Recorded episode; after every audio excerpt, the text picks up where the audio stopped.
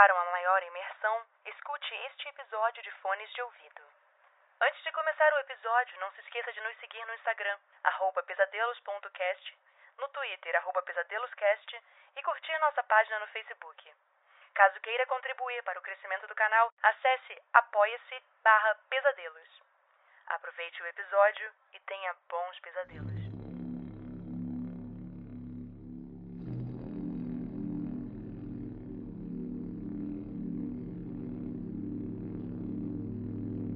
Um quarto, por William Camargo.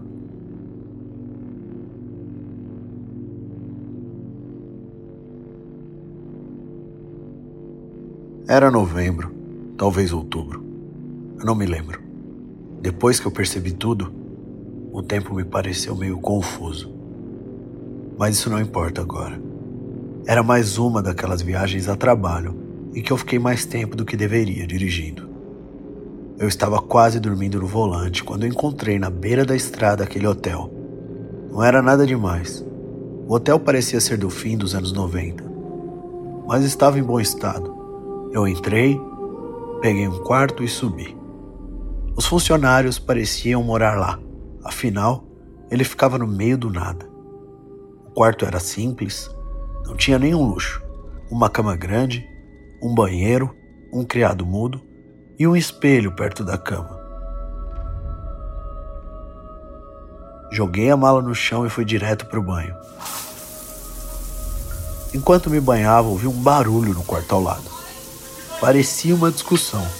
Tinha alguém gritando. Mas o barulho do chuveiro não deixou eu discernir o que estava sendo dito. E eu honestamente não me importava. Logo a discussão parou e eu saí do banho. Eu estava faminto. Peguei o telefone em cima do criado mudo e pedi o jantar. Mas parecia ter alguma interferência na ligação. Parecia uma voz por trás da voz da recepcionista. Quando desliguei o telefone, meus olhos se voltaram para o reflexo no espelho. Eu estava sentado de toalha sobre a cama. Mas havia algo embaixo da cama. Algo estranho. Parecia um objeto de metal. Eu me aproximei e puxei a ponta. Era um pé de cabra. Quando removi ele por inteiro, percebi que a outra extremidade estava suja de sangue, manchada, sangue velho.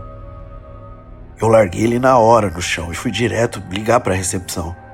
Quando tirei o telefone do gancho e levei até a orelha, meu coração quase parou. Eu ouvi uma voz. Eu preciso de ajuda. Eu tô aqui embaixo. Por favor, me ajuda. Era alguém claramente desesperado continuou. O espelho, tire ele daí. Atrás do espelho tem uma parede falsa. Ele te levará para uma escadaria. Eu tô precisando de. A ligação caiu e eu não sabia o que fazer. Se eu ligasse na recepção e falasse isso, com certeza me matariam. Deveriam saber dessa parede falsa. Eu pensei em pegar minha mala e sair, mas se eu sair antes do jantar chegar, eles vão perceber que eu notei algo. Eles não vão me deixar sair. Eu não sabia o que fazer. Foi quando bateram na porta. Eu coloquei um roupão e fui no olho mágico ver quem era mas não tinha ninguém no corredor. Foi quando eu percebi que não havia nenhum quarto ao lado do banheiro, o que também não justificava eu ouvir aquela discussão quando estava tomando banho. Comecei a questionar minha própria sanidade. Achei que estava delirando. Coloquei a mão na testa para checar a temperatura e tentei me acalmar. O jantar ainda ia demorar. Eu devia ter algum tempo para pensar no que fazer. Eu decidi agir. Retirei o espelho com cuidado, coloquei em cima da cama. Dei algumas batidas na parede atrás do espelho para ver se encontrava algo e logo notei que o papel de parede estava esquisito. Tinha uma cor diferente. Eu empurrei e uma chapa de madeira se abriu. Havia uma escadaria ali atrás, feita de cimento, e havia uma luz fraca vindo lá de baixo. Eu peguei o pé de cabra e desci com ele em mãos cautelosamente.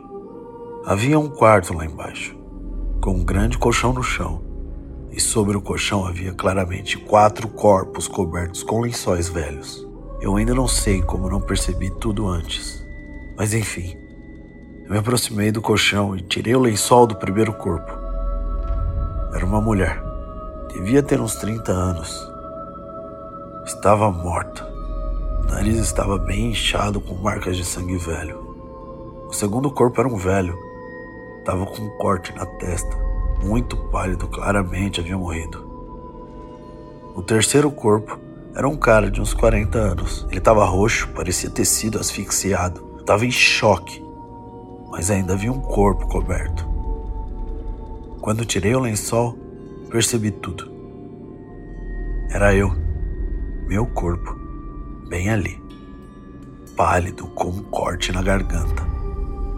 Eu cambaleei para trás, ainda confuso, me apoiei na parede sem entender nada. Naquele momento eu tive certeza. Eu havia morrido e talvez fosse só uma lembrança daquele maldito quarto. Assim como o telefone, a discussão, o pé de cabra. Eu era parte daquele quarto agora. Eu era um quarto daquele quarto.